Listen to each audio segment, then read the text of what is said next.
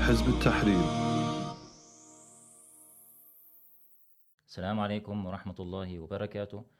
Kære brødre og søstre, som øh, ser med online. Velkommen til øh, aftens livestream, hvor vi vil have en samtale omkring de her afbrændinger af Mus'haf, som har fundet sted rundt omkring i Danmark og i Sverige den seneste tid. Med os i den her samtale har vi øh, vores bror, Elias Salam Robert. Velkommen, Elias. Salam alaikum. Wa alaikum salam. og øh, det vi kommer til at snakke om i dag, det er nogle øh, meget, meget centrale spørgsmål, som har trængt sig på over for øh, den muslimske befolkningsgruppe i øh, Danmark i særdeleshed og i Sverige, men også generelt set øh, den islamiske umma. Hvordan skal vi forholde os til de her afbrændinger af Mus'haf? Øh, nogle af de spørgsmål, som også er centrale, er i forbindelse med den her nye ændring fra politisk hold, hvor de øh, nu ønsker at lave et forbud mod afbrændingen af Mus'haf. Er det her noget, som vi skal glæde os over som muslimer? Er det noget, som skal betragtes som en eller anden form for sejr for islam og muslimerne, at man nu vil forbyde Mus'haf? Eller afbrænding af mushaf? Øh, et andet centralt spørgsmål er i forhold til hele den her øh, idé omkring ytringsfrihed. Er ytringsfriheden en idé og en værdi, eller et, et ideal, som i virkeligheden er meget godt og meget positivt, men det er bare blevet misbrugt af nogle tosser, som øh, har valgt at provokere muslimerne ved at afbrænde øh, kopier af Koranen. Øh, er det sådan, det forholder sig, at der bare skal nogle justeringer til, men ellers er ytringsfriheden i sig selv en god værdi at, at bekende sig til? Og hvad med de her reaktioner fra muslimerne, og i særdeleshed fra den her gruppe af ministre, som var samlet i OIC, og som øh, kom med en resolution, hvor de blandt andet troede med, at øh, hjemkalde ambassadører fra Danmark. Er det her øh, et tegn på, at de regimer, som vi kender i den islamiske verden, nu har anlagt en anden stil og en anden politik, hvor de virkelig gerne vil forsvare islam og muslimerne, og ikke mindst øh, al-Quran al-Karim. De her spørgsmål og mange andre vil vi inshallah tage op i dag og have en samtale omkring med Elias. Samtidig med, at vi også vil tage nogle øh, spørgsmål med, som vi har modtaget fra en journalist fra BT, og øh, det vil vi også bruge anledning i aften til at, at svare på de her spørgsmål. Øh, og sidst men ikke mindst, så vil vi også tage jeres spørgsmål med. Så hold jer endelig ikke tilbage med at øh, komme med jeres bidrag i form af spørgsmål og kommentarer. Jeg vil selvfølgelig gøre, hvad jeg kan for at få det med i den her samtale, vi har i aften. Og jeg vil opfordre jer til at dele det her link, den her livestream, så så mange som muligt kan få gavn af den. Inshallah. Yes, endnu en gang velkommen. Øh, hvis vi starter med at snakke omkring afbrænding af masraf, så er det her jo ikke et nyt fænomen. Jeg kan godt tænke mig at starte med at stille skarp på, hvorfor man ser den her reaktion nu, og man ikke har set den tidligere. Øh, det er jo nogle år siden, hvor vi så, at det begyndte at blive en form for trend hos nogle mennesker, at afbrænde kopier af Koran. Hvorfor ser man så den her store, voldsomme reaktion nu, både fra øh, politikerne i Danmark, men også fra den muslimske verden? Hvad er det, der er anderledes nu? Det, det, det spørgsmål tror jeg er, er to forskellige ting. Ikke? Jeg vil godt lige sige salam alaikum og velkommen til, uh, til, vores, til vores seere derude, uh, alle sammen, og barakallahu fik for, at, uh, at vi inshallah får en gavnlig samtale i dag. Men det spørgsmål tror jeg er, er to forskellige ting. Uh, altså reaktionen, tre forskellige ting faktisk. Reaktionen fra de muslimske befolkninger, uh, reaktionen fra regimer i den muslimske verden, og reaktionen fra uh, den danske regering, uh, er ikke nødvendigvis dikteret af de samme vilkår.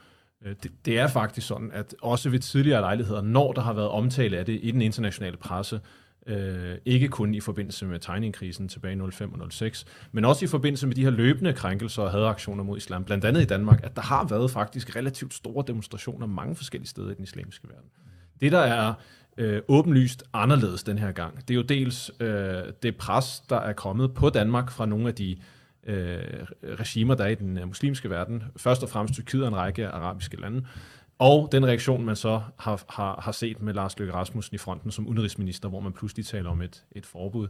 Øh, en, en, en gradbøjning af den ellers øh, ubøjelige ytringsfrihed, som, som vi har været vant til den, når det handler om at, at, øh, at krænke og, og lægge muslimer og islam for had. Det, det blæste jo for alvor op, da det var, at øh, der var sådan en her aktion, hvor der blev brændt en kopi af Al-Quran, hvor der blev brændt en mushaf øh, foran den tyrkiske ambassade. Og det blev gjort i en øh, meget følsom tid, på et meget følsomt tidspunkt, og det tror jeg var helt bevidst. Øh, jeg tror, der var en interesse om at skabe en, en form for øh, rammeskrig, øh, en stor opmærksomhed omkring det, og det formodede man. Øh, Øh, Erdogan havde en stor interesse i at øh, udnytte det her lige op til et valg, øh, som han jo naturligvis havde en meget stor interesse i at vinde. Øh, og når du pludselig sender det her ud til mange, mange millioner øh, af tyrkiske muslimer, som selvfølgelig holder Quran hellig, og betragter afbrænding af Quran på den her forhåndende og krænkende måde som et angreb på deres islam, så får du en, en stærk reaktion, som en, øh, en præsident så kan, kan score nogle billige point på. Samtidig så har du den situation, at Sverige forsøger at komme ind i NATO, øh, Øh, og der får man pludselig en, en bargaining chip, altså et kort på hånden fra, fra Tyrkiets side. Øh, der skal være enstemmighed blandt NATO-medlemmerne for optag af nye medlemmer. Og så kan det man pludselig bruge det her til at lægge pres på Sverige, hvad angår øh, den kurdiske sag, ud, udlevering af nogle øh, af nogle øh, tyrkiske kurder, som øh, det tyrkiske regime betragter som terrorister osv. Så der, der skabes en international sag, fordi det bliver udnyttet af regimerne, ligesom vi så senest har set det øh, med Irak og nogle af de andre arabiske regimer, efter at, øh, efter at der blev brændt øh, kopier af Koran af foran de her ambassader. Man kan sige, det har også resulteret i de her reaktioner øh, over, at det er blevet på en eller anden måde en, en breaking news-sag mange steder i verden i dag. Det har, jo, det har jo medført, at man nu i Danmark taler om, at man gerne vil forbyde afbrændingen af kopier af Koran.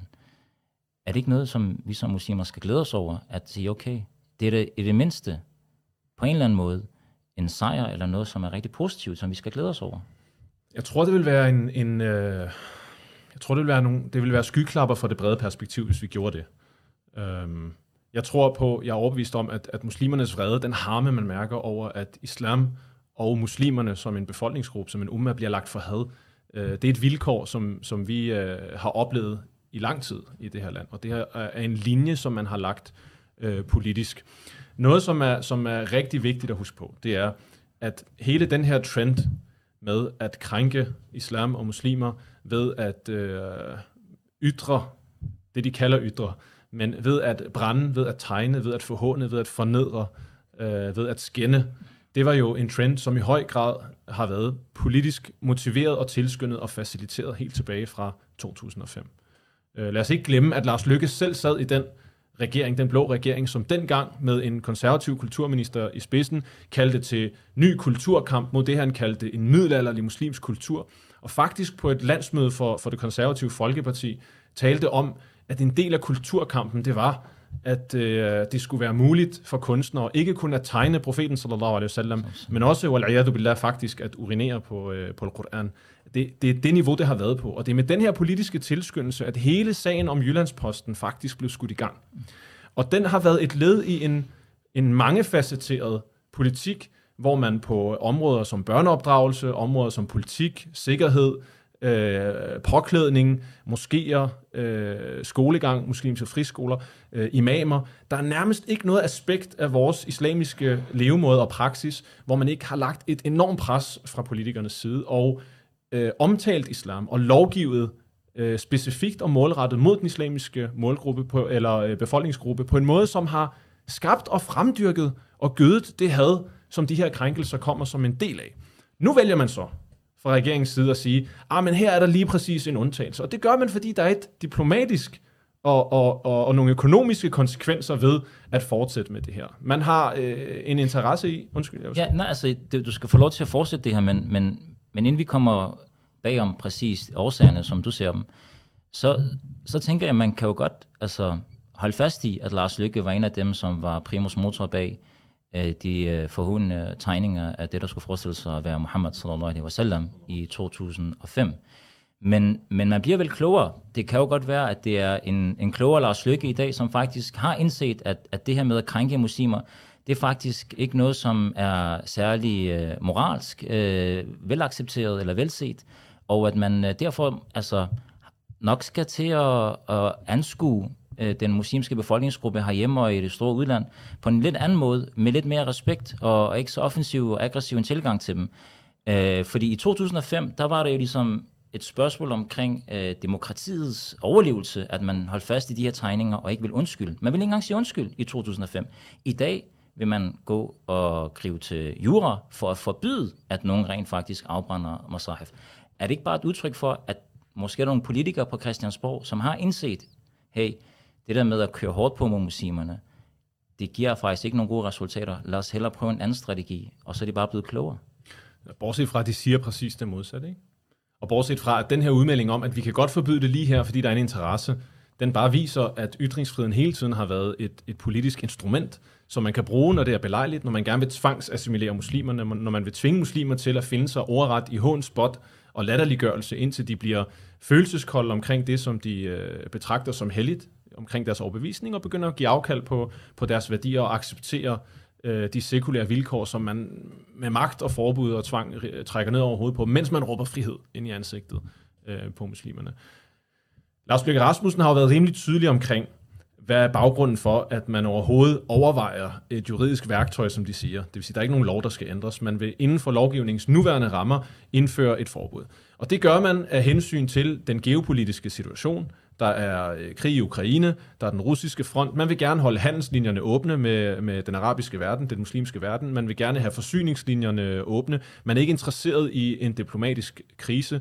Og hele den her snak omkring, at demokratiet og frihederne står og falder på, i hvor høj grad du kan fornedre og krænke og angribe og hade øh, på muslimer, den, den er jo et røgslør, fordi der har hele tiden været alle mulige vilkår, alle mulige ytringer, som er forbudte, også i Danmark, og lige så meget i alle mulige andre europæiske lande, uden at det har skabt en debat omkring, hvorvidt de her lande overhovedet er sekulære, liberale demokratier. Man har brugt ytringsfriheden øh, i den her sammenhæng. Og målet har været meget klart, at man vil tvangsassimilere muslimerne. Så det, du spørger mig om, det er, er man gået væk fra det mål nu? Og det er man bestemt ikke.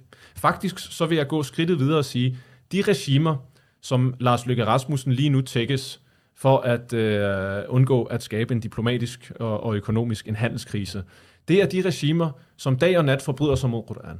Det er de regimer, som holder de muslimske befolkninger nede med jern og ild. Det er diktaturer, det er øh, despotier, det er torturregimer, som er fjender af deres egne befolkninger, og hvis egne befolkninger hader og forbander dem.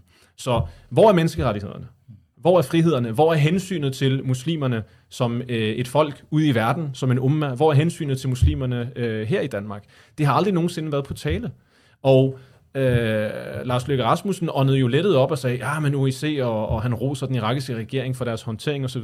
Det her med at indkalde en ambassadør, Altså, det er jo fuldstændig tandløs erklæring mm. over for kontinuerlig, 25 års kontinuerlig fjendtlig og hadfuld politik, krigsdeltagelse. Der er nærmest ikke noget magtinstrument, man ikke har brugt for at underkue muslimer fra den danske stats side. Og så kommer man og siger, hej, hvis I ikke holder op lige nu, så kalder vi en, øh, en, en, en ambassadør ind. Øh, så, så nej, der er ikke noget, der tyder på, at man har anlagt en ny kurs. Tværtimod. Men, men hvis vi lige trækker lidt ned igen til Danmark, så, så meget af det, som der også bliver sagt i forbindelse med ytringsfriheden og de her øh, forhåndelser og krænkelser af, af, af det, der skal forestille sig ved Muhammad sallallahu alaihi wasallam eller vores øh, mushaf, det er jo, at muslimerne, de skal indse, at der er intet, som er hævet over kritik. Der er intet, som er hævet over, at man rent faktisk kan kritisere det og stille spørgsmålstegn ved det. Er det her et spørgsmål, som har vi et problem med kritik? Har vi et problem med, at man er uenig med os, eller at man på en eller anden måde vælger at sige, det der, som I bærer på, det mener vi er forkert. Og så bruger man det ytringsfriheden for ligesom at få muslimerne til at acceptere, at I skal være modtagelige over for kritik. Mm. Det korte svar er nej. Øh, og så er der nogle forskellige versioner af langsvar. Jeg sidder lidt og, og, øh, og diskutere med mig selv ind i hovedet om, hvordan jeg skal gribe det an. Ikke? Men jeg vil, faktisk, jeg vil faktisk starte med at sige, at det er historieløst. Øh, og jeg vil også mene, at det er, arrogant, det er et arrogant udgangspunkt, at vi, skal, øh, at vi skal forholde os til den her falske præmis. Fordi samtale, debat, diskussion, det er jo ikke et fænomen, der opstod i øh, Europas oplysningstid. Debat og diskussion og samtale, det er menneskelige fænomener, som altid har eksisteret. Den islamiske historie, den islamiske civilisation, har en rig kultur og historie, hvad angår øh, kritik, udveksling af meninger. Islam har haft som en civilisation, som en kultur, øh, som et værdisystem, haft møde med alle de samtidige kulturer, ideologier og religioner, som har eksisteret de sidste 1400 år. Og alle de her kulturer og idéer har rettet kritik imod islam, og der er blevet rettet modkritik og argumentation osv. Man finder selv i Koran, at Allah subhanahu wa ta'ala tager faktisk øh, islams fjender, modstandere af islam, ikke øh, troende øh, folk, af forskellige profeter, øh, deres folk, at han tager deres kritik af de her profeter, eller af, af deres budskab op, også af Muhammad sallallahu alaihi wasallam budskab af islam, tager det op og fremlægger modargumenter. Så kritik og samtale og diskussion og debat har aldrig nogensinde været et problem. Det er som om, at, at man sidder oppe i det her elfenbenstårn, og elfenben, øh, der er ikke så mange elefanter i Danmark, så der må man også hente ud i verden, men, men man sidder oppe i det her tårn, øh, og så kigger man ud af verden, ud, ud i verden, og, og så ser man i, i, øh, i, i den her sammenhæng, at der er et sammenstød mellem det sekulære, det liberale, det vestlige og islam. Og før at de kan være egnede, de her muslimer, til at deltage i debatten, så skal de lære at finde sig i hån, spot og latterliggørelse. Som om, at det er hån, spot og latterliggørelse, som er det fælles fodslag, mennesker skal mødes på, hvis der nogensinde skal være forudsætning for debat. Jeg mener det modsatte. Hån, spot og latterliggørelse, det er konfliktskabende. Hån, spot og latterliggørelse, det er fornedrende og krænkende og ydmygende, og det er hele tiden det, der har været formålet. Der ligger ikke nogen savlig kritik i at krænke sendebud, sallallahu alaihi wasallam. Der ligger ikke nogen savlig kritik i at afbrænde en kopi af Koran. Det er jo ikke et spørgsmål om, hvordan skal vi afskaffe Koran, hvis den er blevet, øh, en, en kopi af vores Koran, hvis den er blevet øh, slidt. Det er, jo, det er jo et spørgsmål om at udvise had og foragt og fjendskab over for alt, hvad Koran står, på, står for, og alle dem, som står for Koran. Og dermed bliver det et angreb rettet mod alle muslimer. Det er ikke, det er ikke et oplæg til debat. Det er et angreb. Mm. Okay.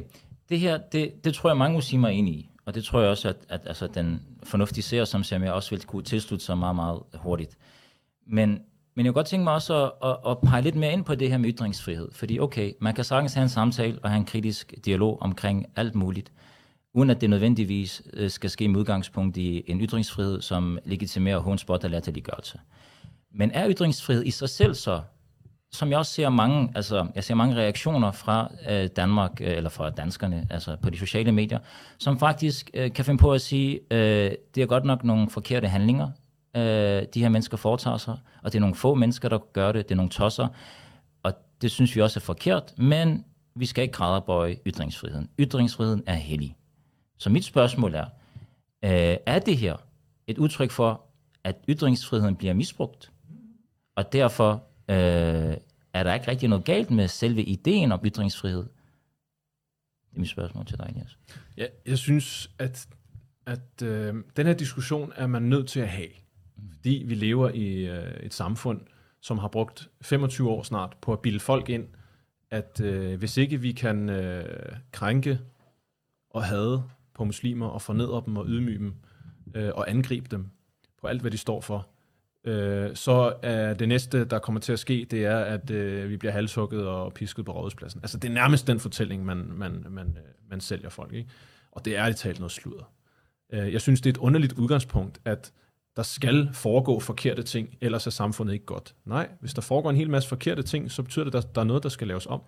Altså, ideen om ytringsfrihed, den eksisterer jo som, som et filosofisk koncept, kan man sige. At mennesket bør som udgangspunkt have lov til at sige hvad som helst.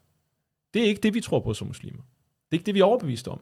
Og derfor, altså, at afvise ideen om ytringsfrihed, grundlæggende set, er for mig ikke noget problem, og jeg synes, at øh, det er et skridt, som øh, jeg håber, at vi bliver øh, bedre til at tage som et muslims fællesskab og sige, vi skal ikke, øh, vi skal ikke lade dem, der fornedrer og krænker og håner og bekæmper os, definere, hvad for nogle præmisser vi skal have en diskussion på. Vi skal have en diskussion på saglige præmisser. Jeg må godt sige, at ytringsfriheden det er slet ikke et udgangspunkt at diskutere ud fra. Nej, jeg mener ikke, at man skal kunne sige hvad som helst. Jeg mener, der skal være rammer for, hvad man kan sige. Jeg mener, anstændighed, retfærdighed, menneskelighed, respekt er, men, men, er vigtigere end din mulighed for at sige hvad som helst, Ibrahim. Men det, det, det er ligesom mm. det er ideen. Så er der det praktiske. Og det synes jeg er endnu vigtigere at, at sætte fingeren ned på, fordi ytringsfrihed er jo ikke bare en eller anden øh, fluffy idé, øh, der, der flyver rundt op i atmosfæren. Ytringsfrihed i praksis handler jo om, at du skal have lov til at sige nogle ting, men der vil altid være en lovgivning, som begrænser, hvad du faktisk kan sige. Så, så hvad definerer reelt set i Danmark, i Sverige, i England, i Frankrig, i, i Østrig, i Tyskland, hvad definerer reelt set, hvad vi må og ikke må ytre? Ja, altså, det, det gør juraen, det gør loven. Mm. Så der har hele tiden været mm. begrænsninger på, hvad du kan og ikke kan sige, som der altid vil være i et hvert samfund. Og, og her bliver det rigtig interessant, fordi mens man målrettet laver lovgivning, som eksplicit er til for, bliver indført for at begrænse muslimers mulighed for at ytre sig. Når man indfører en imamlov for eksempel. Når man indfører begrænsninger på muslimers påklædning. Når man indfører begrænsninger på muslimers øh, børneopdragelse. Man indfører begrænsning på muslimers friskoler osv. Hvor, hvorfor er det så først i det øjeblik, at der bliver sat en bremser for et enkelt aspekt af en mangefacetteret bekæmpelse af islam, at så er det lige pludselig et indgreb i friheden. Der bliver lavet indgreb i friheden hele tiden. Det her, det her det er, øh, hvad kan man sige, selektiv forarvelse. Og jeg tror, at den selektive forarvelse har at gøre med, altså øh, regeringen, politikerne har malet sig selv op i et hjørne. Man har brugt to og et halvt årti på at bilde folk ind, at den vestlige civilisation står og falder på, i hvor høj grad vi kan være øh, vulgære og hadfulde og fjendtlige over for muslimerne. Det er dem, der er hovedfjende nummer et. Øh, og imens så bruger man det her fjendebillede til at indføre en masse begrænsninger. Terrorlovgivningen, som er det største indgreb i, i, i dansk strafferet, siden den blev indført en gang i 1800-tallet, og øh, som sagt imamlov og tørklædelov og burkalov og det ene og det andet. Og det her, det er hele Europa. Men i det øjeblik, der bliver, der bliver sat begrænsninger på øh, hadudfald, hadaktioner mod islam, så opfatter folk det som ytring. Ytringsfriheden har fået sat lighedstegn med fjendskab og had mod islam. Øh, og det synes jeg bør lede til øh, en, en genovervejelse af, øh, hvad er den her frihed egentlig for en størrelse? Men er, der, er der nogen grund til, at vi som muslimer skal insistere på at bekende os til den? Skulle vi ikke for længst have, have, have, have indset, at den er et politisk værktøj, som man har brugt i den her bekæmpelse af islam, og ikke andet? Altså, jeg, jeg tror, der er to ting her, som, som, som er vigtige også at have sig for. Ikke? Det er, at hvis man går ud og siger klart og tydeligt, jeg går ikke ind for ytringsfrihed. Jeg mener, det er en falsk idé. Jeg mener, den er samfundsundergravende. Jeg mener, den er med til at grave grøfter imellem folk i et samfund. Så er der, helt sandsyn- altså, er der højst sandsynligt nogle, nogle, øh, nogle øh, folk, der bliver meget upopulære, og der kan selvfølgelig også være nogle konsekvenser forbundet med at indtage det her standpunkt. Øh, vi kan måske vende tilbage til, ligesom, hvor vigtigt det alligevel er at tage sådan et her standpunkt. Jeg tror også, det standpunkt vil blive fordrejet, Ibrahim, fordi ja. jeg tror, at man som altid vil opstille nogle meget firkantede sort-hvide billeder øh, og de skal helst passe ind i den fortælling, man mm. har om den der blodtørstige, farlige muslim, som skal krænkes, indtil han civiliseres. Ikke? At hvis du siger, at du ikke går ind for ytringsfrihed, så går du ind for, at alle dem, der er kritiske, alle dem, der vil diskutere, alle dem, der ikke tror på islam, de skal bare nakkes. Og det var punkt nummer to. Øhm, ja. det, det, er, det var netop lige præcis det. Ikke? Altså, hvis det er, at, at man så afviser ytringsfriheden, hvad er dit alternativ så? Hvordan ser du, at mennesker har forskellige overbevisning, forskellige levemåder, forskellige tro, kan leve sammen og have en samtale, øh, uden at det skal føre til grøfter og splid og, og konflikt. Der er ikke noget, som er hævet over diskussion. Der er ikke noget, der er hævet over debat. Allah subhanahu wa ta'ala i Quran argumenterer for, at hele det her skaberværk er frembragt af hans magt hvis man kan tage en diskussion omkring, hvorvidt Allah findes eller Allah ikke findes, hvorvidt Quran er sand eller ikke er sand, hvorvidt profet Muhammad sallallahu alaihi wasallam er sendebud eller ikke er sendebud. Hvis den her grundlæggende diskussion omkring, altså kan vi bruge islam til noget, eller kan vi overhovedet ikke bruge den til noget, hvis, hvis den er gentaget øh, og, og, og, hvad kan man sige, bragt op så mange gange i islams mest grundlæggende tekster i selve Quran, hvordan kan man så påstå, at islam har et problem med kritik eller spørgsmål eller debat? Man kan stille alle de spørgsmål, man vil. Man kan kritisere lige så tosset, man vil. Du kan åbne en, en mushaf og finde hvilken som helst af jer, som ikke muslim, eller øh, som muslim, der har nogle spørgsmål, eller hvem du nu end er, og så sige, det her det er jeg uenig i. Det her mener jeg er forkert, det her det mener jeg er falsk, og så kan vi have en diskussion. Jeg mener, en, en vigtig del af alternativet det er, at i samme åndedræt, som vi siger, ytringsfriheden er ikke udgangspunktet for den her samtale så skal vi øh, understrege, fordi jeg tror, det er vigtigt, og jeg tror, mange vil, vil, vil øh, intuitivt misforstå, på grund af den fortælling, der eksisterer derude. Så det er vigtigt, at vi i samme åndedræt siger, men vi inviterer gerne til savlig debat. Vi vil gerne have den debat, den savlige diskussion, som har, som har manglet de sidste 25 år. Ja, altså nogen, nogen vil højst sandsynligt fremføre et argument, der vil lyde således. Du er privilegeret, Elias. Du bor i Danmark.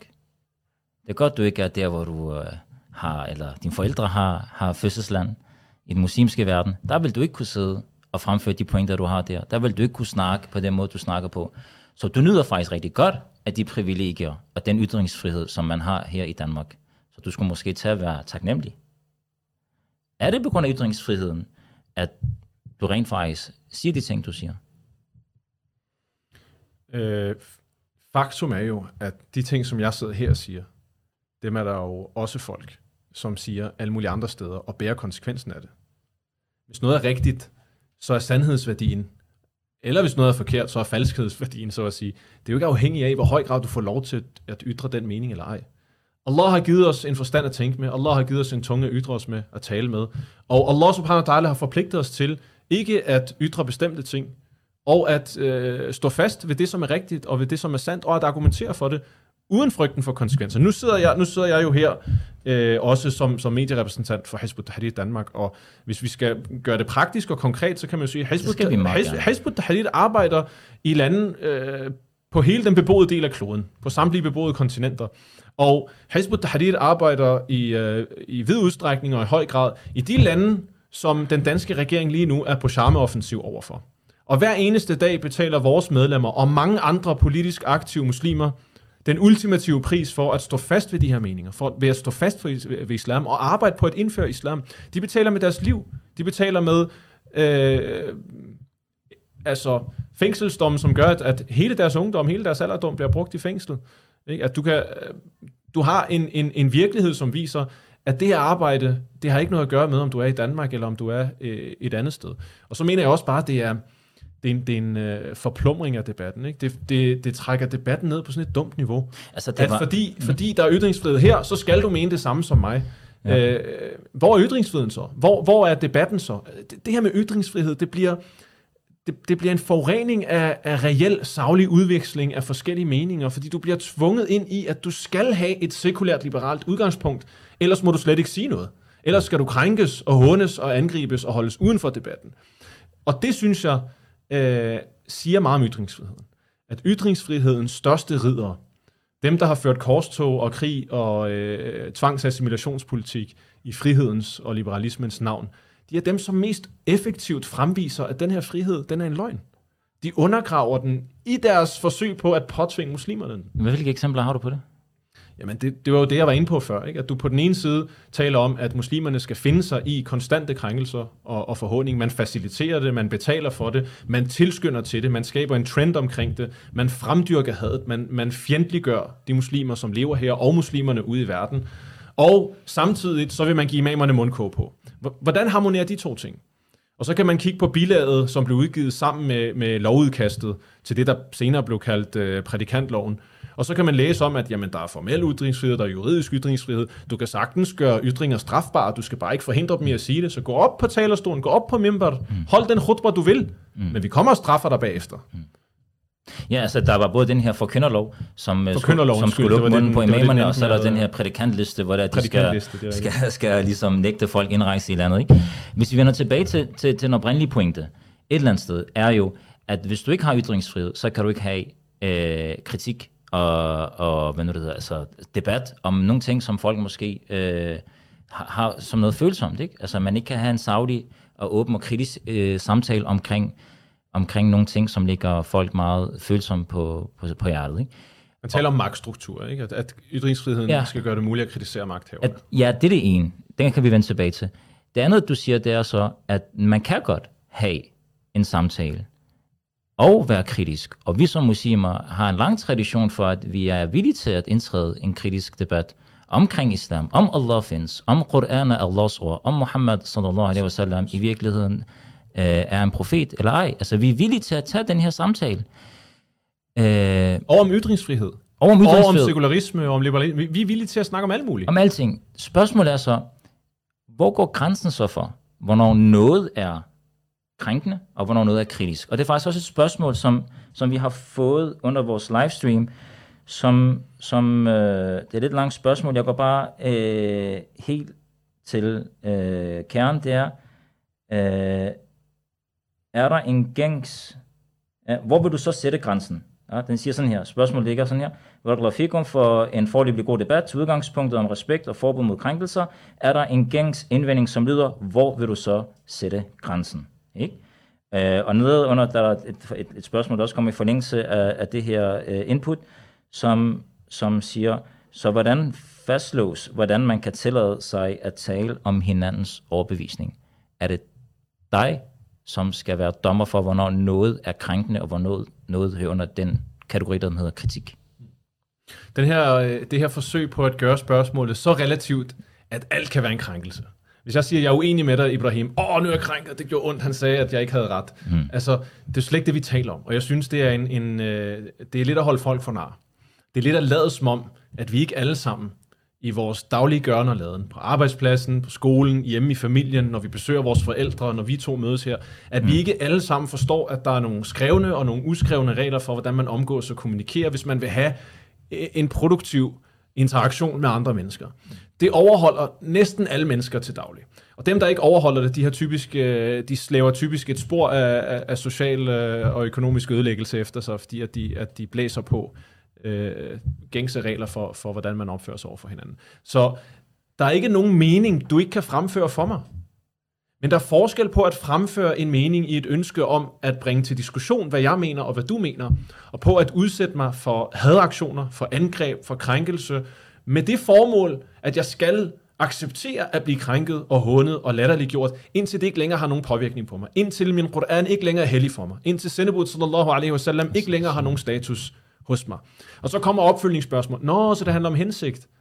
Hvis det er en anden hensigt, jeg har med at øh, tegne eller med at krænke. Man bliver ved med at prøve at rykke målstolpen for på en eller anden måde at sige, at det er muslimerne, der har et problem her. Men det er ikke muslimerne, der har et problem. Dem, der har et problem, det er de mennesker, som har øh, som holder en værdi så hellig, som i princippet går ud på, at du skal kunne underlægge anderledes tænkende for had, for angreb, for hets, for forfølgelse, for kriminalisering, for demonisering og fjendtlighed. Og samtidig så giver de politikerne frit spil til at undergrave den samme frihed ved at indføre forbud og ved at indføre tvang, og man, man lader øh, i alle mulige sammenhænge begrænsninger af ytringsfriheden gå forbi som noget naturligt. Det betragtes, altså, jeg har ikke hørt noget stort dramaskrig. Jeg er sikker på, at mange af de her ytringsfrihedsfanatikere, de vil sige, at ah, det er også et problem, vi skal løse.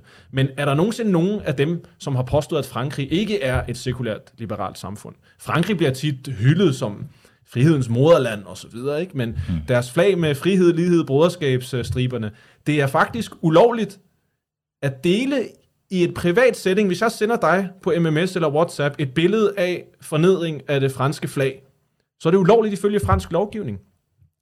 Jeg gider ikke at have en diskussion omkring, hvorvidt den lov den er et udtryk for, at man skal bremse krænkelser osv. Det må de selv finde ud af. Men min pointe med det er bare, hvis det er ulovligt, og det ikke har medført, at Frankrig lige pludselig er et samfund, man på ingen måde kan leve i, og hvad bliver det næste, og øh, hele vores, øh, hele vores, alt det vores forfædre har kæmpet for de sidste 500 år, den hører man også tit, ikke? Mm. Den, den, det er bræst sammen. Hvorfor er ramaskriget selektivt, når det handler om islam? Hvorfor bliver det opfattet i befolkningen som så vigtigt, at specifikt muslimer skal fornedres og krænkes? Det har, det, altså det, det spørgsmål skal du nok selv få lov til at svare på, men, men jeg tænker i hvert fald, at jeg kan give et lille bidrag til det. Det har jo vel noget at gøre med, tænker jeg, at, øh, at man ser det her som et knæfald for, at muslimer de skal diktere, hvad der skal være lov i Danmark. Det er ikke længere noget, som øh, kommer fra den danske befolkning. Øh, det er ikke noget, der kommer fra hensynet til den danske befolkning i sig selv, eller hvad man som politiker selv finder, at nu er det her passende med, med at begrænse en ytringsfrihed i det her LGBT-snak, og nu er det okay i forhold til det her med, med MeToo, at, at tage noget af, af, af charme væk derfra, eller de krænkelser, som der har været meget, mange af i, i Danmark på mange forskellige arbejdspladser, at lave, lov, altså lave øh, reglementer ude i den praktiske virkelighed, for hvilken type af samtale man accepterer og ikke accepterer. Men det kommer jo fra... Cancel-kultur er også en ting, ikke? Det kommer, det, det, det, kommer, det kommer jo indfra, det her. Mm. Men det her med, at muslimer skal diktere, volds, øh, hvad hedder det, voldsmandens veto, er det ikke det, de siger? At det er øh, muslimske øh, reaktioner, voldsomme muslimske reaktioner, som skal være med til at diktere, hvad vi skal øh, begrænse os i, og hvad vi ikke skal begrænse os i Danmark. Det vil vi ikke finde os i. Så du har stadig i Danmark nogle politikere, udover dem for regeringen, som faktisk øh, er ude at sige, at det her det er et historisk knæfald for øh, den muslimske voldsmand. Og jeg tænker, at der er to ting, jeg gerne vil have, at du kommenterer på her. Det ene er det her billede omkring, at muslimerne øh, er voldelige eller voldsparate, og det andet er øh, det her med, at det er et knæfald for øh, muslimsk pres. Øhm, jeg synes jo, at det er interessant, øh, bare lige for at knytte en kommentar, som, som binder lidt det første, du havde med, med regeringen og Lars Løkke, og så det her spørgsmål. At man bruger, i starten så handlede det om økonomi og handel og diploma, øh, diplomati, og pludselig så handler det om sikkerhed.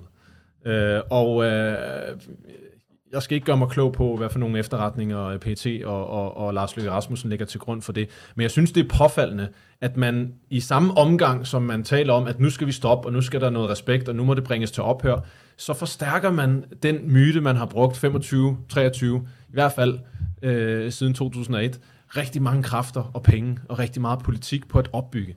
At muslimerne, det er de der farlige, voldsparate mennesker. At muslimer, når de holder fast i deres islam, når de insisterer på deres islamiske værdier, herunder at der er nogle ting for os, som er ukrænkelige, som er røde linjer, så begynder de faktisk at blive en trussel mod samfundets sikkerhed, mod samfundets sammenhæng. Det falder fra hinanden, hvis vi giver dem lov. Det, som jeg synes er vigtigt at understrege her, det er, at man af alle mulige andre hensyn, fuldstændig naturligt, lader det glide forbi, at der indføres begrænsninger på, hvad der må og kan ytres. Og det vil sige, at den her idé om, at i dag, eller i går, eller i søndags, eller hvornår det var i mandags, uh, Lars Løkke Rasmussen kom ud, der blev det pludselig tydeligt for folk, han vil bøje ytringsfriheden. Ytringsfriheden bliver bøjet hele tiden. Mm. Ytringsfriheden har aldrig nogensinde været et, et, et ukrænkeligt, eller et, øh, et princip, som er mere heldigt end egen interesse. Egen interessen bliver dyrket, som var det en Gud i de her systemer, som går ud i verden og i sidste ende øh, vil hente noget profit og nogle, øh, nogle, nogle, øh, nogle handelsforbindelser og nogle øh, geopolitiske interesser hjem. Når interessen er stor nok, eller når det potentielle, potentielle tab af interesse er stort nok, så må ytringsfriheden vige, så må menneskerettigheder vige, så må alle de højsungne, hellige værdier, som man vil tvangsfodre muslimerne i det her land. Tvang, vil at mærke, det er det modsatte af frihed. Man vil tvangsfodre muslimerne. De viger, og det gør de hver dag. Det er ikke noget nyt. Det er der mange eksempler på. Det er der, det er der hundredvis af eksempler på, og, og derfor er min pointe, at ideen om, at først i det øjeblik, at begrænsningen kommer muslimerne til gode, der er det et knæfald, og der er det et, en, en gradbøjning, og der er det et brud med vores værdier, og der er det, hvad med alle de andre brud? Mm. Det, det, det sker hele tiden. Så ytringsfriheden med andre ord har aldrig eksisteret i den form, som nogen sidder og forestiller sig måske i en, i en debatklub eller en, for, en forelæsningssal inde, inde på KU uh, øh, Humaniora, eller hvor det er. Mm. Uh, men et knæfald, knæfald for hvem? Lige nu er der en hel masse debattører og politikere og på tværs af, af fløjene osv., som har travlt med at snakke om islamistiske regimer og kalifater og stærke muslimske ledere og et islamistisk fremstød i kultur og kampen mellem islam og... De her regimer, repræsenterer de islam på nogen som helst måde? Repræsenterer de Quran? Repræsenterer de de muslimske befolkninger? Hvis de gik op i Quran, så havde de ikke forbrudt sig mod den dag og nat. Hvis de gik op i Quran, så havde de implementeret... Quran Quran, det er ikke bare papir. Quran, det er Allahs åbenbarede ord, subhanahu wa ta'ala. Den er ikke kommet ned for at være bundet ind i fint papiromslag, eller for at hænge på væggene. Den er kommet for at blive levet, og praktiseret, og implementeret, og udbredt til folk. Så når de her regimer er præcis det modsatte, de her regimer er det, der står i vejen for, at islam faktisk gør sig gældende, og som bekæmper med jern og ild dem, som vil genindføre islam, og deres egne befolkninger generelt. Hvordan er de så lige pludselig blevet til repræsentanter for islam og Koran? Og samtidig så snakker man om, det her det er torturregimer, det er despotier, det er øh, regimer, hvor der foregår de værste menneskerettighedskrænkelser på jordkloden. Ja, og det er de regimer, som jeres stat med skiftende regeringer konstant har samarbejdet med, har hyldet, har tildelt hædersmedaljer, har handlet med, har udvekslet efterretninger med. Øh, hvornår var det et problem? Var det første problem i det øjeblik, at man skulle stoppe med at brænde øh, øh Koran af foran deres ambassader, så vi stadigvæk øh, kan sælge lurpak ned i den arabiske verden? Der er slet ikke nogen proportionalitet. Jeg mener, der mangler ærlighed omkring, hvordan man faktisk forholder sig til de værdier, man påstår at bære på. Vi siger som muslimer, vi har nogle værdier, som vi står fast ved. Og nogle af de værdier betragter vi som hellige og ukrænkelige. Og det vil sige, at lige meget hvor mange gange der kommer en og skriger ytringsfrihed ind i ansigtet på mig, jeg accepterer ikke præmissen. Det handler ikke om at kunne rette kritik mod min islam. Det kan du gøre lige så meget du vil. Lad os have den savlige debat. Jeg inviterer til den. Du behøver ikke at råbe af mig for at få den. Det her med at, at, at fornedre og krænke og hade på muslimer, det har intet med debat eller kritik at gøre. Det er bare lavt. Og det vil det blive ved med at være lige meget, hvor meget man gør det. Okay, så hvis vi prøver sådan at samle lidt op, Elias, på, på den øh, forløbige samtale, vi har haft, så står det vel meget klart, at hele ideen omkring ytringsfrihed, den er i virkeligheden en, øh, en, et magtinstrument, som politikerne de bruger for at tryne muslimerne, for at fremprovokere en reaktion for muslimerne, og i virkeligheden for at sekularisere muslimerne, øh, og få dem til at acceptere hån og krænkelser af deres islam. Ideen omkring ytringsfrihed er på alle planer øh, begrænset, men man snakker om, at den skal være absolut i mødet med muslimer. At der skal ikke være nogen som helst begrænsning for, hvordan og hvor meget man må håne og krænke muslimerne. Okay, det kan vi, det kan vi et eller andet sted godt sige, er noget, som der er blevet redegjort for rimelig skarpt i dag. Det andet der, det her med de her øh, regimer i muslimske verden, og den her organisation, OIC, øh, i virkeligheden er en, en superliga af forrædere, som, som dag og nat bekæmper og, og hvad nu det hedder, modarbejder Koran og modarbejder islam. Men det er meget kærkommet nu at få dem frem i lyset som nogen, der rent faktisk øh, forsvarer islam, fordi det er med til at øh, skabe en eller anden form for frygtklima i Danmark, som man accepterer at gradbøje ytringsfriheden. Vi kan også, øh, nummer tre, sige, at mens man har gradbøjet ytringsfriheden i mange år overfor muslimerne, så har der ikke rigtig været øh, det her ramaskrig blandt eksperter og politikere. Men lige så snart man gør det, øh, men det hedder, hvor der er nogle interesser på spil, så, så ser man dem øh, fuldstændig øh, gå amok. Ikke? Øh, det næste, vi, vi skal til at snakke om, det er så, jamen, hvad er løsningen så på de her afbrændinger? Jeg fik i dag øh, tidligere øh, da jeg var på vej herud, øh, der, der fik jeg sådan en, en, en besked fra, fra en kære bror, som, øh, som sendte mig sådan et øh, link til sådan noget underskriftsindsamling for gennemførelse af blasfemiparagrafen. Det har også været meget på tale, og, og nogen endda blandt, øh, hvad nu det hedder, øh, jeg tror det var Hans-Jørgen Bonniksen, tidligere PET-chef, øh, mm. som faktisk er, er er stifter af det her, eller ham, som er, står bag det her øh, lovforslag, eller det, som skal vise sig at gå fra et borgerforslag og så blive til en eller anden form for lovforslag, hvis det får nok opbakning. Jeg kan også se, at der er nogle spørgsmål, som er kommet i vores øh, kommentarsektion, som, som netop øh, pointerer det her med, er det her så noget, vi skal skrive under på? Burde vi muslimer, lyder spørgsmål, burde vi muslimer skrive under på et lovforslag, som vedrører forbud om at forbyde koranopbrænding? Øh, ja, og det andet spørgsmål, som vi også lige kan tage med her, det lyder sådan her. Og kan vi bruge førnævnte, hvor den demokratiske proces bruges instrumentalt og ikke som et anerkendt system? Så er der sådan lidt i forhold til, kan vi bruge det som et middel? Vi går ikke rigtig ind for det, men kan vi bruge det?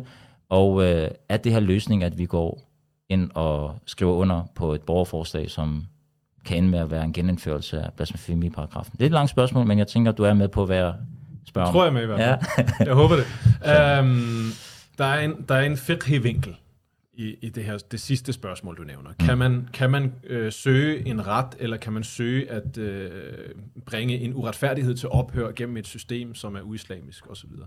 Øh, det synes jeg, man skal øh, diskutere med fuqaha. Øh, der kan godt være, vil jeg sige generelt, der kan godt være situationer, hvor det er tilladt at søge sin ret, eller, til, eller, eller at søge, at en, øh, en uretfærdighed bliver bragt til ophør øh, Øh, også gennem et system, som ikke er islams system.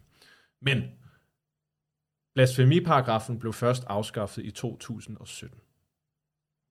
Hvem kan påstå, hvilken muslim ved sin fulde fem kan påstå, at islam var fredet fra fjendskab og hån og særpolitik og diskrimination og krænkelser i perioden 2001 og specielt 2005 frem til 2017. Det er der jo ikke nogen, der kan sige. Blasfemiparagrafen blev ikke engang... Altså, der var jo nogen, der rejste en sag om, at de her tegninger, som i sin tid kom ud, som havde det ene formål at tvinge muslimerne.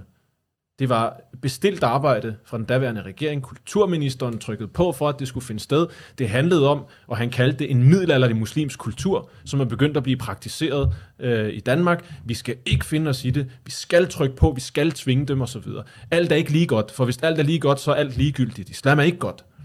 Øh, det var det, der var budskabet. Og så pressede man ellers på. Der var jo nogen, der rejste en blasfemisag dengang. Det nåede ikke engang i retten.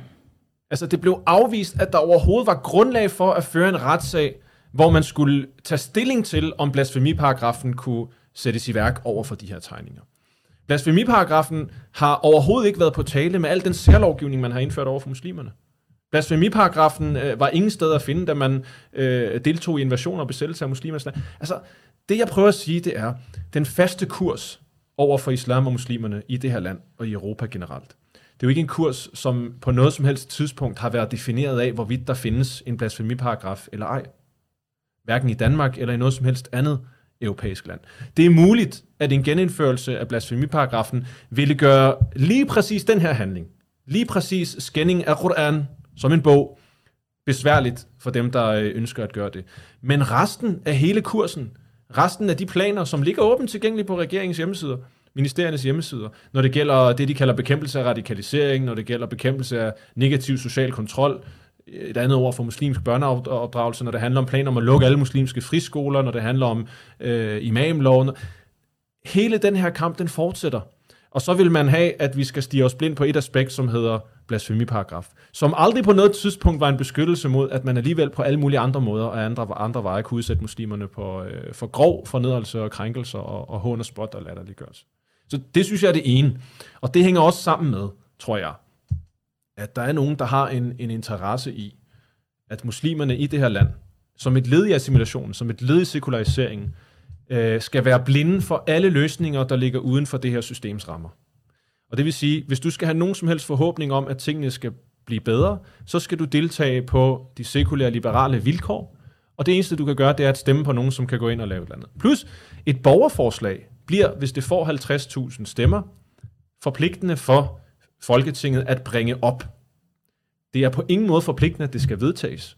Og samtlige partier i, sam, i øh, Folketinget med undtagelse af Socialdemokratiet har allerede sagt, at de ikke er interesserede i at genindføre blasfemiparagrafen. Og regeringen, som jo er en bred koalitionsregering med en socialdemokratisk statsminister i spidsen, har været ude med Lars Løkke Rasmussens udmelding og andre øh, regeringsmedlemmers øh, udmelding og sige, at blasfemiparagrafen, en genindførelse af den, er på ingen måde på tale. Så spørgsmålet er off the table. Om der er 300.000, der skriver under på den, så er det i virkeligheden øh, meget fjernt at forestille sig, at den vil blive genindført. Og hvis den blev genindført, så vil vi stadigvæk have den brede kamp, som de her afbrændinger så var et aspekt af, var et kapitel i. Hvad er løsningen så? Hvis der er noget, vi kan tage med fra øh, kan man sige, den bredere internationale politiske scene, hvor nogle regimers egne interne interesser hvor et ønske om at dæmpe gemytterne i den islamiske verden, og få Danmark til at sige undskyld og stoppe det, for man er ikke interesseret i. Altså, den, den muslimske verden, specielt de arabiske lande, det er en krudtøn.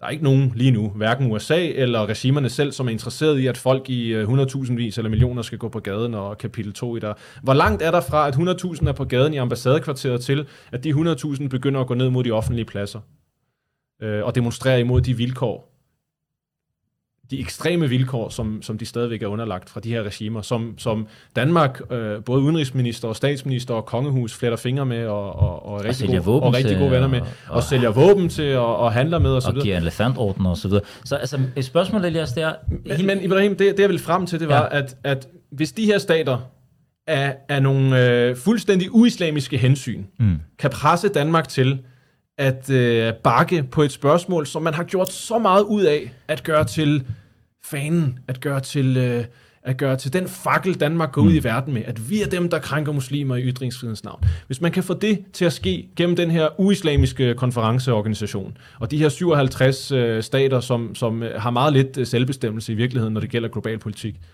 hvordan vil det så ikke være, når muslimerne faktisk har en stat, en khilafa, som repræsenterer befolkningernes vilje, og som repræsenterer den islam, som muslimerne ønsker skal være beskyttet mod den her form for hadaktioner. Det, det som jeg tænker, Elias, der, der kan være en, en reaktion, hvis man for eksempel ikke er med i Hizb tahrir og arbejder for den her løsning. Øh, det man kan tænke, tænker jeg i hvert fald, at man højst sandsynligt øh, får i hovedet, når det er, man hører dig sige det her, det er, hver gang vi muslimer i Danmark står for et problem, så hører man altid Hizb tahrir snakke omkring, at kalifatet er løsningen. Og øh, udover at det kan virke lidt langt væk, og man måske søger noget konkret, så kan det også godt virke lidt presserende. For er det virkelig sådan, at vores Koran og afbrændingen af mushaf i Danmark, er det virkelig så tæt forbundet til et kalifat?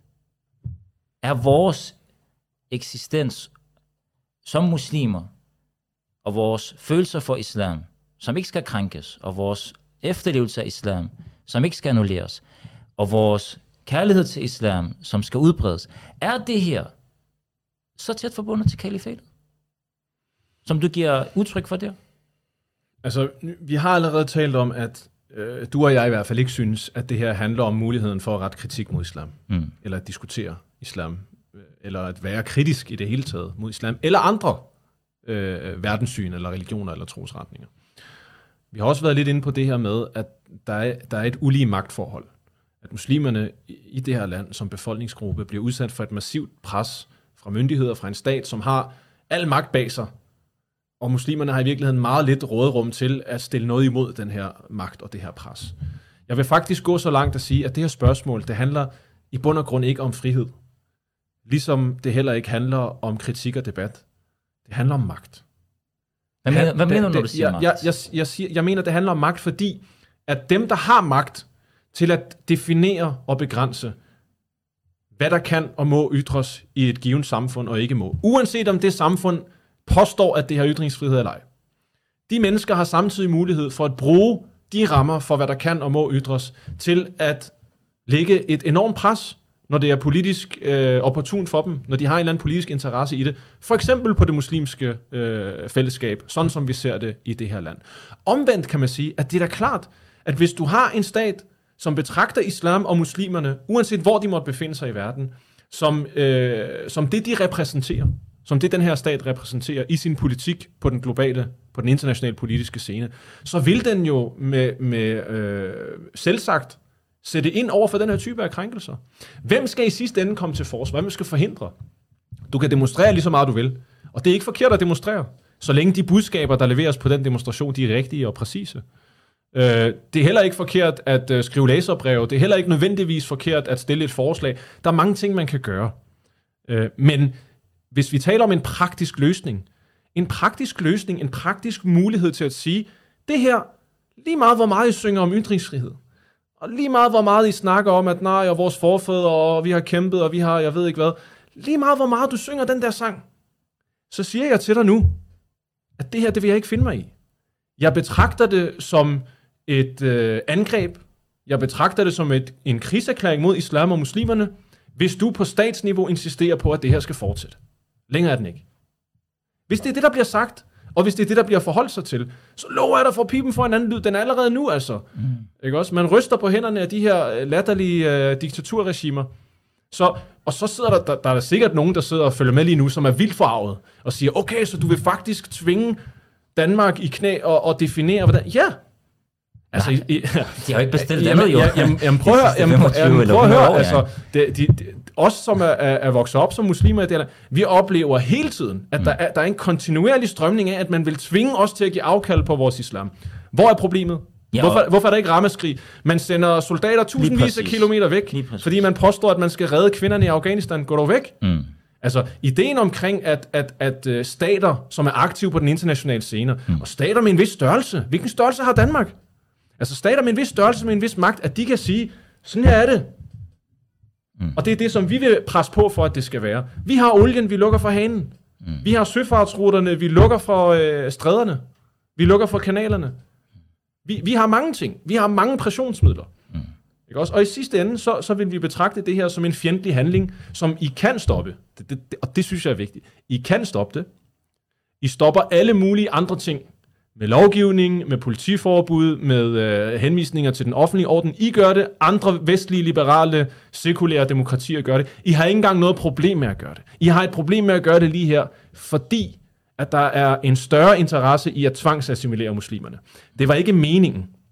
Det er min forståelse og analyse. Det var ikke meningen, da man lavede øh, den her øh, polit- altså, da man pressede på for, at krænkelse og hån, spot, latterliggørelse, at det skulle være en del af strategien i at tvinge muslimerne til at finde sig i nogle vilkår. Øh, det er ikke min opfattelse, at man havde muslimerne nede i øh, den arabiske verden for øje. Det handlede om muslimerne, som lever her. Men tidens ånd dengang, det var jo hele det her med kampen mod terror og så videre, så det var belejligt at fremstille muslimerne som, som, øh, som farlige og bruge den kontekst til det. Og på samme måde i dag, mm. når sagen bliver for stor, når den vokser for meget ud over Danmarks grænser, så bliver Danmark som et relativt lille land nødt til at finde sig i, at der er nogle vilkår. Det er jo det, Lars Løkke Rasmussen nu at sige. Han vil sige, der er en geopolitisk virkelighed. Lad nu være med at lade som om, at vi bare kan se bort fra den og gøre, hvad der passer os. Mm. Og det her har altid været tilfældet. Danmark har aldrig bare, hverken her eller ude i verden, kunne gøre, hvad der passer dem. Forskellen er vel også, at Danmark den her gang står relativt alene øh, med de her afbrændinger af Mossad, hvorimod de i 2005 øh, kunne, øh, kunne gemme sig bag øh, USA og, og være en papegøje for de udmeldinger, der kom derfra. I dag der ser man jo, at mange europæiske lande har forbudt afbrænding af Koran, og de ønsker stabile forhold med regenterne i den muslimske verden. De ønsker, at der er ro på gemytterne. De ønsker ikke, at der skal være en opstand 2,0 i den arabiske verden. Og her, der, der, der står Danmark lidt, og ikke rigtig kan, kan placere sig selv mellem to stole. Ikke? Fordi på den ene side, så er der den øh, ændrede geopolitiske verdensorden derude, og på den anden side, så er der jo også en, en lokal dagsorden, hvor man i årtier har presset på for at latterliggøre og krænke muslimerne så meget som muligt, og det vil man nu vige tilbage fra, og det møder så den her modstand. Øh, og, og det er jo lidt det, som ham og Lars Lykke der prøver ligesom at manøvrere rundt i, og, og har også fået uh, alle mulige markader på sig, landsforræder og så videre. Ikke? Men uh, tiden er jo øh, gået rimelig hurtigt, synes jeg. Hvor langt er vi tilbage? Og vi har i virkeligheden få minutter tilbage. Uh, to minutter, for at være helt præcis. Det er gået stærkt. Det er gået rigtig, rigtig stærkt. Øh, vi har jo også øh, lovet at tage nogle af de her øh, spørgsmål, vi har modtaget fra BT op. Så jeg tænker, at, at vi lige må, må tage de her spørgsmål op en gang. Øh, de her spørgsmål, som vi har fået fra, fra en journalist fra BT, øh, de har bedt om en udmelding øh, i forhold til øh, sagen omkring afbrændingerne. Og øh, hvor vi tidligere har givet øh, skriftlige svar, så har vi i dag valgt at tage det med i vores livestream, så det er, at vi sikrer os, at uh, BT og andre medier og politikere, som vi ved har for vane for at følge med i vores livestream, uh, får uh, det fulde svar med, uh, uden at det bliver reduceret eller, eller taget ud af, af kontekst. Uh, det Vi har også udgivet noget skriftligt, bare øh, for at det lige skal være på det rene. Der øh, er i løbet af den seneste uge kommet både øh, pressemeddelelser, og så sent som i dag kommet en løbeseddel om samme emne også. Så at øh, hvis, hvis man gerne vil have noget kompakt samlet på, øh, på, øh, på papir, som, øh, som man kan kigge på, så findes det også at, at finde på vores sider. Rigtig godt, at vi lige fik det med. Uh, jeg skal lige ind og finde spørgsmålet. Uh, jeg husker, at første spørgsmål, som vi fik, uh, det lød sådan her. Det er, uh, nu er der kommet et uh, forbud, eller der er tale om, at der vil være uh, et forbud mod afbrænding af mosahif. Dem, øh, Jeg er lige ved at finde det. Uh, lige se, hvor det var henne. jeg, Det kan, var, jeg kan godt tage. Nej, men jeg har den her. Den er kommet frem, yes. Så spørgsmålet lyder sådan her. Øh, andre imamer har udtalt, at forbud ikke er nok i sig selv. Er I tilfredse? Nej, jeg, jeg, vil slet ikke, jeg vil slet ikke med på den der leg om, at øh, jeg skal øh, rose Lars Løkke Rasmussen for, at han stadig bekæmper islam, men at han af øh, økonomiske og geopolitiske eller diplomatiske hensyn her ønsker at indføre et administrativt forbud. Den leg vil jeg slet ikke lege. Jeg kan jo godt forestille mig, nu skal jeg ikke øh, lægge ord i munden på nogen eller anklage nogen for noget, men jeg kan jo godt forestille mig, og det er også det, vi har set med de artikler, der er kommet ud med nogle imamer lige nu osv., at man bruger øh, nogle imamer eller nogle muslimske repræsentanters udtalelse om, at det er positivt, der bliver sat en stopper for det her. Øh, man bruger det som brændsel til den ild, som lige nu er blevet rigtig, rigtig varm under regeringen og, og Lars Løkke Rasmussen. Nej, vi er, vi er ikke tilfredse. Den, de- den her tendens til, at islam bliver udsat for, øh, for, for krænkelse og fornedrelse og fjendtlighed, øh, det er en politisk konstrueret trend. Den er fremdyrket af øh, nogle sager, som blev tilskyndet til politisk.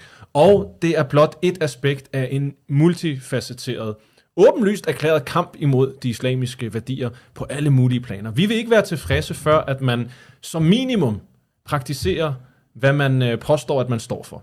At man overlader det til muslimerne at leve i henhold til deres overbevisning og praktisere deres islam, at opdrage vores børn og at leve vores islam, uden indgriben fra, øh, fra statens side, og at man endnu vigtigere, lige så vigtigt som minimum, blander sig udenom forholdene i den muslimske verden. I de her dage, hvor der tales så meget om, at ja, de kommer og skal diktere osv., hvad med de her projekter i hundredvis? Hvad med de millioner af kroner? Hvad med det her øh, tætte, venskabelige, øh, hjertevarme forhold mellem den danske stat og diktaturregimer, som holder de muslimske befolkninger i et jerngreb?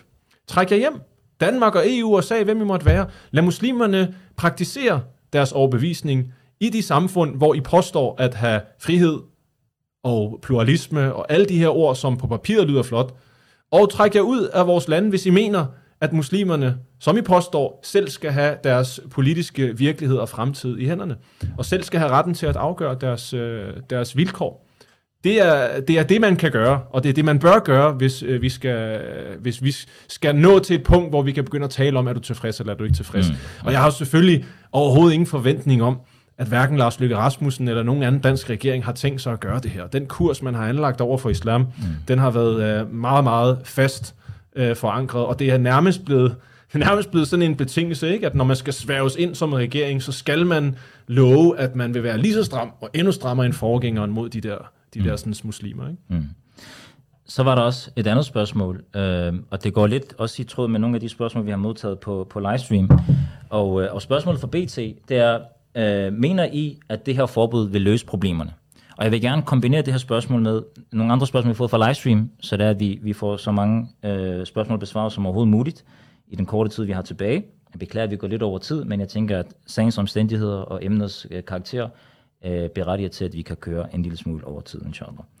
Det næste spørgsmål, det er, øh, men kan man ikke forestille sig, er der ikke en stor sandsynlighed, står der, er der ikke en stor sandsynlighed for, at et politisk forbud mod afbrænding af Koranen under bestemte omstændigheder blot vil fremprovokere endnu flere hadreaktioner imod islam og muslimers heldom.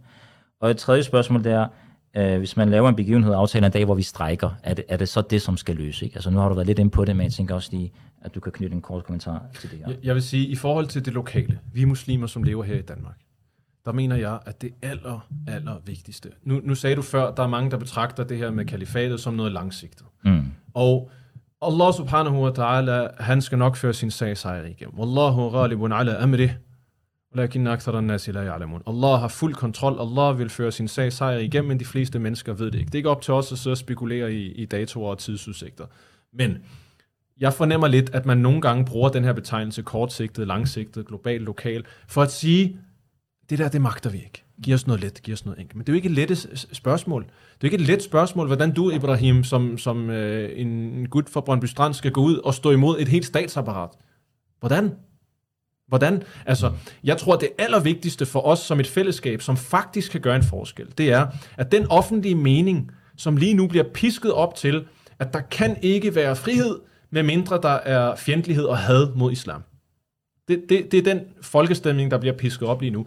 Hvor meget, hvor gode har vi været som et muslimsk fællesskab til at arbejde på at præge opinionen, til at præge folkestemning, gennem at have den savlige debat, som vi synes mangler.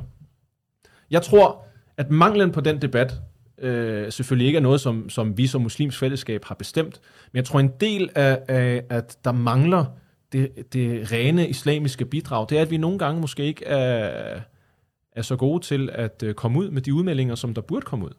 At ligesom der er blevet sået en frygt i, i den danske befolkning, ligesom man har skabt nogle spændinger og en polarisering, folk føler, at det her det er et højspændt forhold, så tror jeg, at der er mange i det muslimske fællesskab, også repræsentanter, som ellers har til opgave at, at, at melde stærkt ud, som også er blevet ramt af en form for frygt, og som også mærker, at det her det, det er højspænding. Det er en højspændingsledning. Hvis du rører den, så bliver du ristet. Ikke? Mm. Øh, og der tror jeg, at det vigtigste, vi kan gøre, det er, at vi står fast ved vores islamiske værdier. Og vi insisterer på at diskutere dem på savlige præmisser, og vi insisterer på, at argumentet skal være det styrende. Og hver gang magthaverne, eller politikerne, eller nogen derude, som drives af had og fjendtlighed, insisterer på noget andet, så skal vi sige dem imod, og så skal vi afsløre, at det her, det har ikke noget med debat og kritik at gøre. Det her, det er konfliktskabende, det her, det er øh, splittende, det her, det er grøftegravende. Mm. Øh, det, det sidste spørgsmål, vi modtog fra, fra BT, øh, det er et spørgsmål, som jeg ved, du blev lidt misfornøjet over at læse, men, men jeg tænker, at du får lov til at svare på det. Det lyder sådan her. Hvad mener I, at straffen for at brænde en koran skal være, hvis der kommer et lovindgreb? I Danmark. I Danmark. Ja. Det, altså, det står ikke i spørgsmålet i Danmark, men det må være ud fra konteksten af loven og forbud, at ja, ja. det kun er i Danmark. Jeg kan godt afsløre for seerne, at det var ikke kun, at øh, det var ikke så meget mis, uh, misnøje. Jeg tror, du og jeg sad og grinede lidt af det i går, ikke? Ja.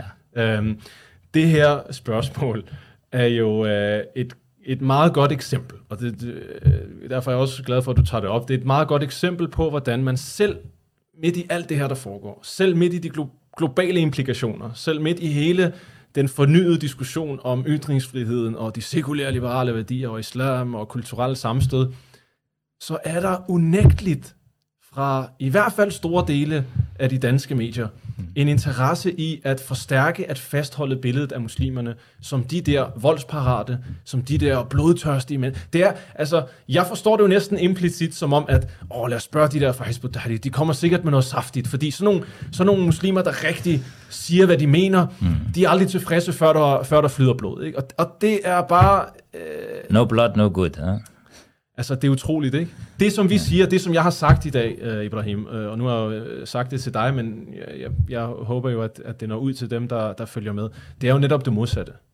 Lad være med at indblande jer i muslimernes lande. Lad være med at øh, øh, apply de her nære øh, allianceforhold, venskabsforhold med de regimer, som har så meget blod på hænderne, at det halve kunne være mok. Lad være med at se bort fra, at den her fjendtliggørelse og umenneskeliggørelse af islam og alle dem, der bærer på islam, og alt, hvad der symboliserer islam, at den har man brugt som brændstof til faktisk på meget aggressiv vis ude i verden at slå rigtig mange muslimer ihjel. Lad være med at se bort fra, at den her insisteren på øh, hån og spot og latterliggørelse, som grundlaget for mødet mellem forskellige øh, overbevisninger, at det skaber konflikt og spændinger. Islam, øh, islamisk strafferet er noget helt andet end dansk strafferet. Lad os blive enige om det. Islamiske straffe kan være rigtig hårde. Meget hårdere, end hvad man har i Danmark. Jeg er ærlig omkring det. Jeg, altså, jeg har, jeg har ikke noget skjul. De straffe, man måske gerne vil høre, gå og læs om dem i, i, i uh, islamiske fiqh som handler om, om, om strafferetssystemet i islam. Men hvad i alverden har islams straffe hudud at gøre med de politiske vilkår i Danmark? Hvem har nogensinde talt om, at man skal indføre islamiske straffe for øh, forbrydelser ifølge islam, som bliver begået i et ikke-muslimsk samfund, hvor islam på ingen som helst måde styrer eller er dominant i befolkningen? Det er noget vrøvl. Mm. Og det, er, og det er noget, som mange gange er blevet forklaret, både fra medierne og politikerne. Det er ikke noget, man spørger om, fordi man ikke ved det. Det er noget, man spørger om, tror jeg. Og igen, det er lidt uh, motivforskning, og uh, altså, hvilken som helst journalist er velkommen til at, at skælde mig ud bagefter. Men jeg opfatter det som et ønske om at uh, forstærke det negative billede af muslimerne som de her krænkelsesparate, voldsparate mennesker, og dermed understrege vigtigheden af at blive ved at blive ved med at, at have den her konflikt, at blive ved med at krænke. Ikke?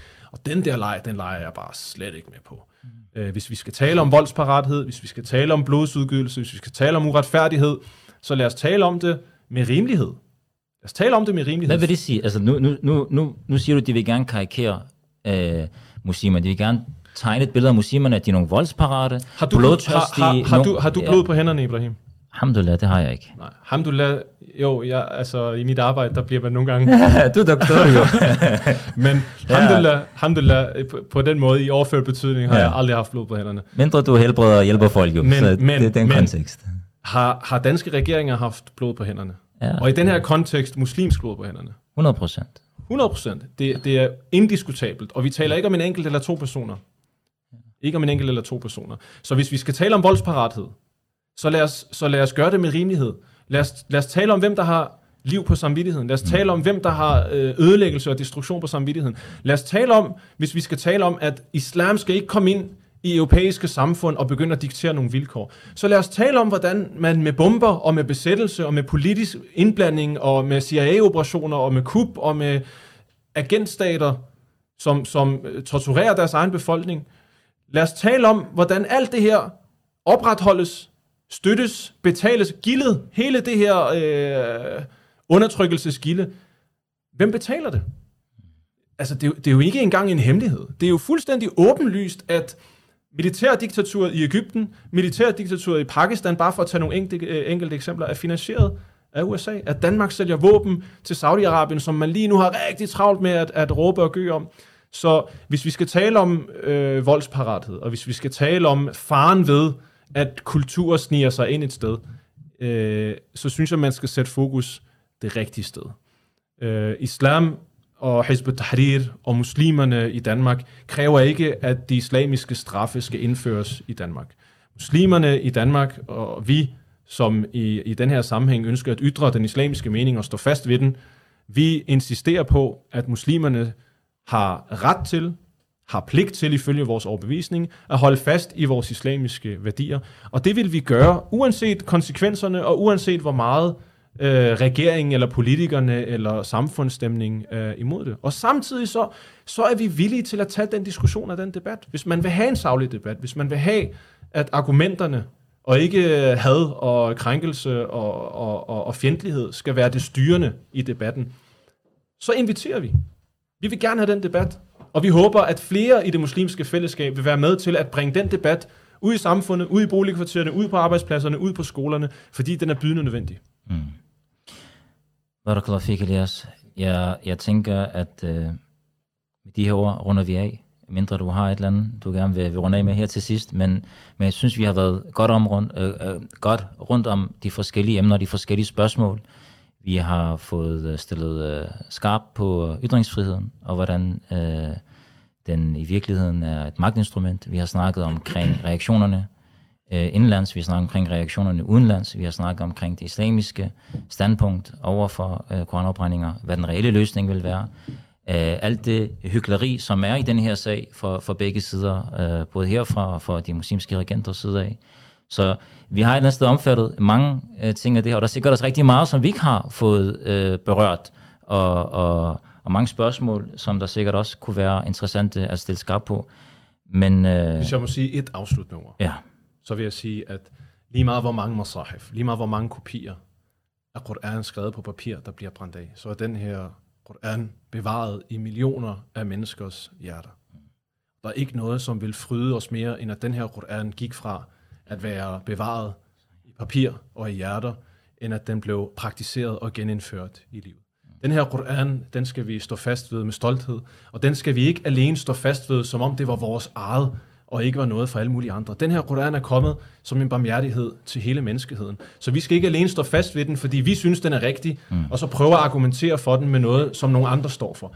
Vi skal stå fast ved, at vi mener, at den her Koran indeholder de bedste og mest rigtige og mest sande værdier, og de bedste og mest rigtige og mest sande løsninger. Og det vil vi gerne bringe, også til den ikke-muslimske danske befolkning omkring os. Vi skal være dem, der søger det reelle øh, møde mellem værdier og meninger i en savlig udveksling. Mm. Barakallahu fik. Den her Koran øh, var det, som aftens livestream handlede om, og selvfølgelig også en hel masse andre nuancer i den her diskussion. Øh, det vil være på sin plads at afslutte med en ayah fra Koran, hvor Allah subhanahu wa ta'ala siger, Inna nahnu nazzalna dhikra, wa inna lahu lahafidhun. Det er sandelig os, siger Allah subhanahu wa ta'ala, som har nedsendt den her formening, al-Quran, og det er sandelig os, som vil beskytte den, siger Allah subhanahu wa ta'ala. Så lad dem brænde de kopier, de vil. Den her Koran er beskyttet, og den her Koran er bevaret, og vi vil fortsætte med at arbejde for, at den her Koran bliver etableret i en stat, som med magt vil sørge for, at den ikke bliver krænket. Jeg tænker, det må være de afsluttende ord herfra. Barakallahu fikum, og tak for jeres deltagelse og jeres input alle sammen. Vi ses igen, inshallah, en anden god gang. Assalamu alaikum wa rahmatullahi wa barakatuh.